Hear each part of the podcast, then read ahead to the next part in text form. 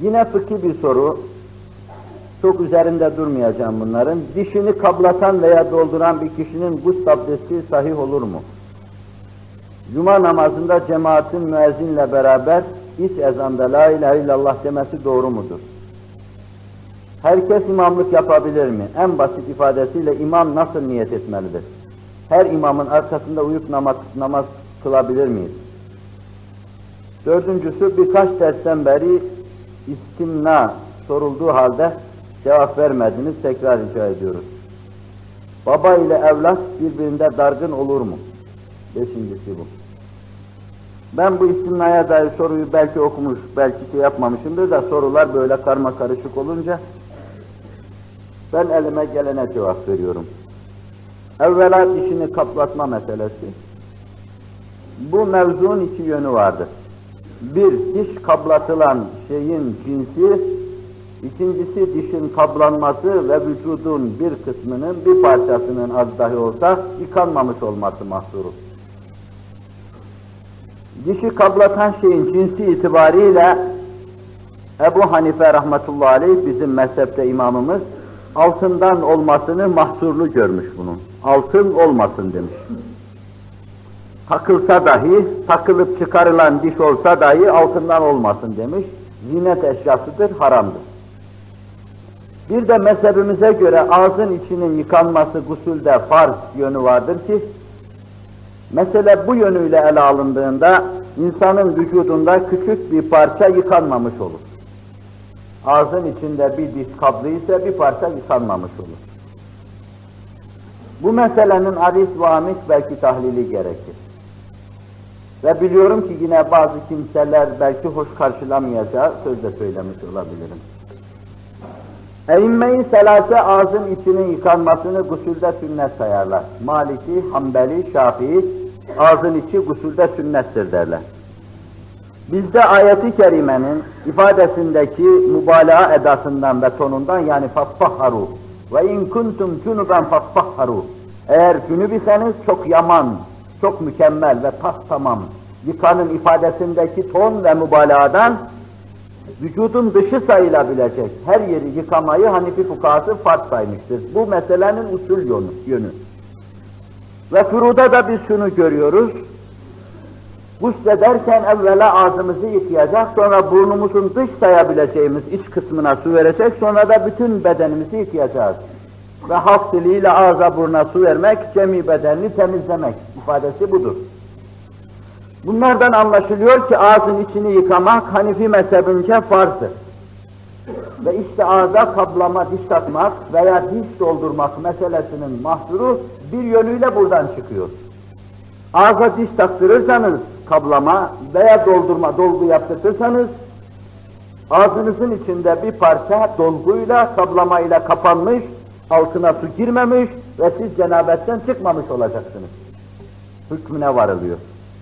Hanifiler böyle düşünüyorlar. Yani ekseriyet itibariyle Türkiye'de bizim gibiler böyle düşünüyorlar. Eymme-i selase ise diyorlar ki ağzın içini gusülde de abdestte de yıkamak sünnettir.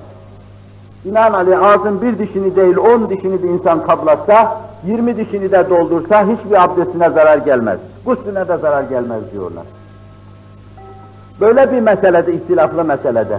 O kadar fukaha, dört mezhebin dışında da pek çok kimse böyle bir meseleyi iddia edince biraz ihtiyatlı düşünmek lazım, ihtiyatlı karar vermek lazım. Bir bakıma mezhebimiz ihtiyada muvafık olan öyle gelir ki insanın aklına, insan dişini kaplatmasın, yaptırtmasın, şunu yapmasın, bunu yapmasın. Bir yönüyle de hekimlik açısından dişin hayati ehemmiyeti düşünülürse, bir bakıma midenin sıhhati demektir düşünülürse, hazmin çok mühim bir unsurudur düşünülürse, dişlerin hayatiyetine de ihtimam göstermek lazım. Hem bu meseleden daha ehemmiyetsiz meselelere kütüb-ü fıkhiyede de ihtimam gösterildiği, hadislerde ihtimam gösterildiği anlatıyor, anlatılıyor. Ben bu meseleyi bırakıp onları arz edeyim size. Mesela deniyor ki, bir insana su iktiza etse, abdest aldığı zaman hastalanacağı endişesi olsa, boy abdesti aldığı zaman hastalanabilirim endişesi olsa, boy abdesti almayacak, teyemmüm edecek. Halbuki ortada hastalık yoktur.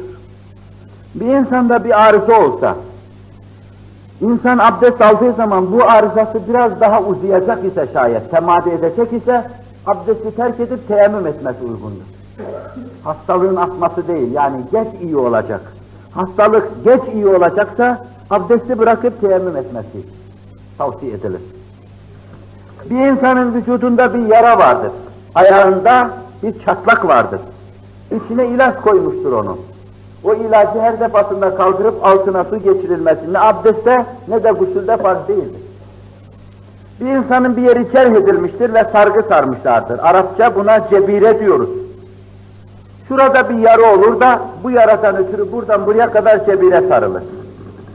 Bu cebireyi ister abdestli sarsınlar, ister abdestsiz sarsınlar. Cebire sarıldıktan sonra cebirenin üzerine mes verdi mi, meslere mes verir gibi abdesti tamamdır bunun. Su iktiza ise başka taraflarını yıkasa cebirenin üzerine mes verse yine abdesti tamamdır. Halbuki şu kadarcık bir yaradır, cebire şu kadar yer kaplamaktadır, bütün buralar kuru kalmaktadır.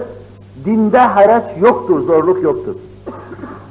Teyemmüm ayetini anlatan ayetin hemen sonunda da Cenab-ı Hak dininizde size zorluk göstermemiştir.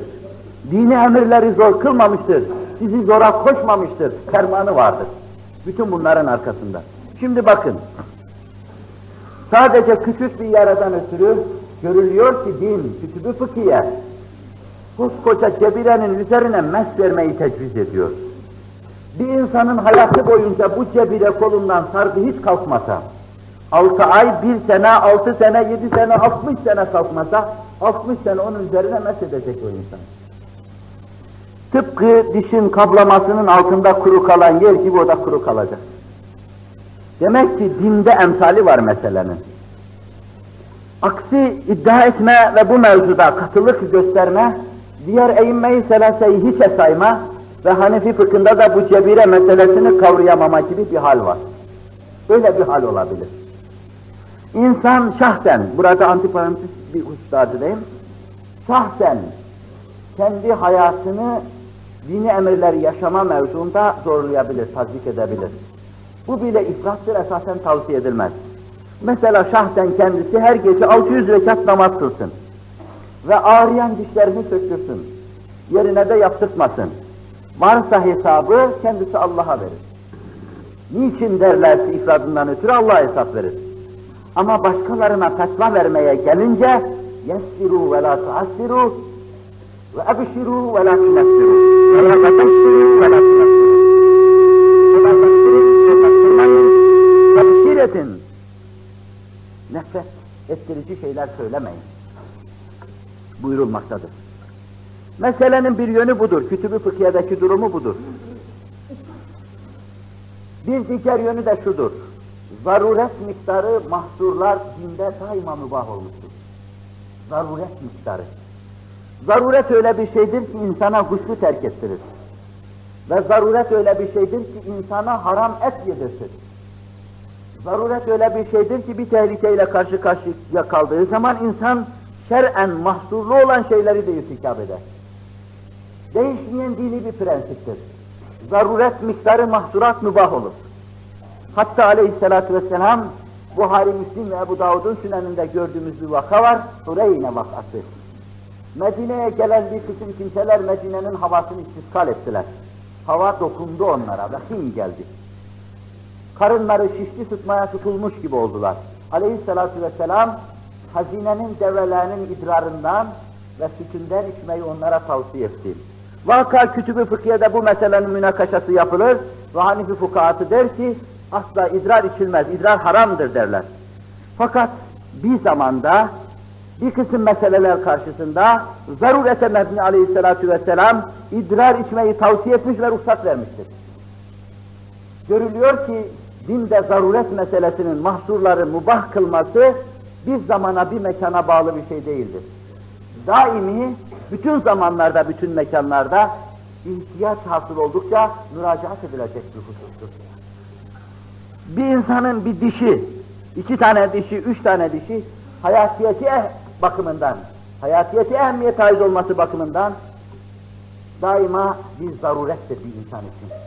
Böyle bir zaruret, o dişi kablatmayı mubah kılmıyorsa, doldurmayı mubah kılmıyorsa, diğer zaruretler karşısında mubah saydığımız meseleleri biraz düşünmek gerek.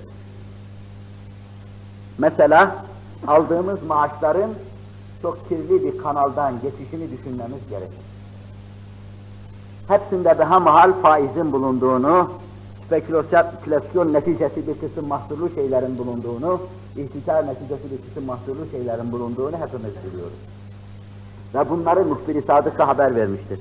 Tirmizi'de Ebu Davud'un süneninde öyle zaman gelecek ki faiz yemeyenin parasına dahi faiz bulaşacak. Bence bu mevzuda insan hassasiyet göstermeli. Şahsen kendisi yese bile elin alemin kızını avrat diye evine alıp bunlara yedirirken, haramı başkalarına yedirirken düşünmeli. Bu noktada fikir olmalı. Başka meselelerde değil. Bu bence dişten daha ehemmiyetli bir şeydir. Yani daima insanın şüpheli bir şey yemesi. Bugün Türkiye'de umumi kazançlar Merkez Bankası'ndan diğer bankalara aktarılan, oradan Merkez Bankası'na gelen, orada temerküz eden bütün paralar hangi kanallardan geçiyor, nasıl eracif bulaşıyor, nasıl kirleniyor, herkesce bilinen şeydir. Onun tenkitini yapacak ve zinhar almayın diyecek halde değilim. Böyle bir şey deme, cereyan eden hadiselerin karşısına çıkıp dolapların, çakların altında ezilme demektir. Zaman onun idamına fetva verecektir inşallah Teala. O zaman intizar ediyoruz. Binaenaleyh insan bu noktalarda esas hassasiyet göstermeli ağzına girecek şeylerde. Teferruatta efkarı teşvik edecek şeyler söylememeli. Ben iki yönüyle meseleyi arz ettikten sonra esas Ebu Hanife'nin bu mevzuda noktayı nazarı anlaşılmıyor diyerek ayrı bir hususu da arz edeceğim.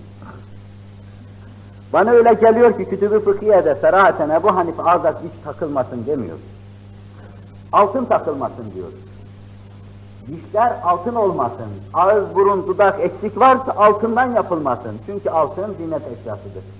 Ve altının kendine has bir durumu vardır. Belki bir nuhuset, belki bir hisset ruhta hasıl ediyor, bilemiyoruz bunu.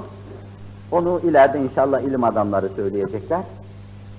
Ve Ebu Hanife'ye karşılık pek çok fukaha, hemen hemen bütün muhaddisin diyorlar ki, Külaf vakasında Hazreti Arpece'nin burnu kopu vermişti.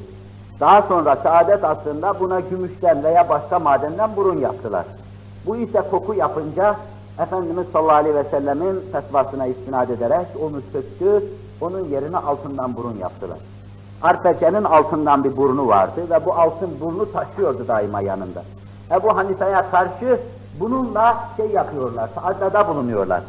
Bundan anlaşılıyor ki Ebu Hanife diş yapılır mı, yapılmaz mı bunun münakaşasını yapmıyor. Altın takılır mı, takılmaz mı bunun münakaşasını yapıyor.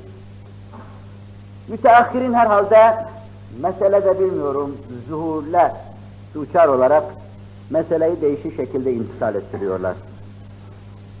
Bana göre bu mesele olmaz. Kütüb-ü fıkhiyeye göre zaruret halinde diş taktırmada beis yoktur. Kütüb-ü fıkhiyeye göre cebire sarıldığı gibi o da yapılabilir.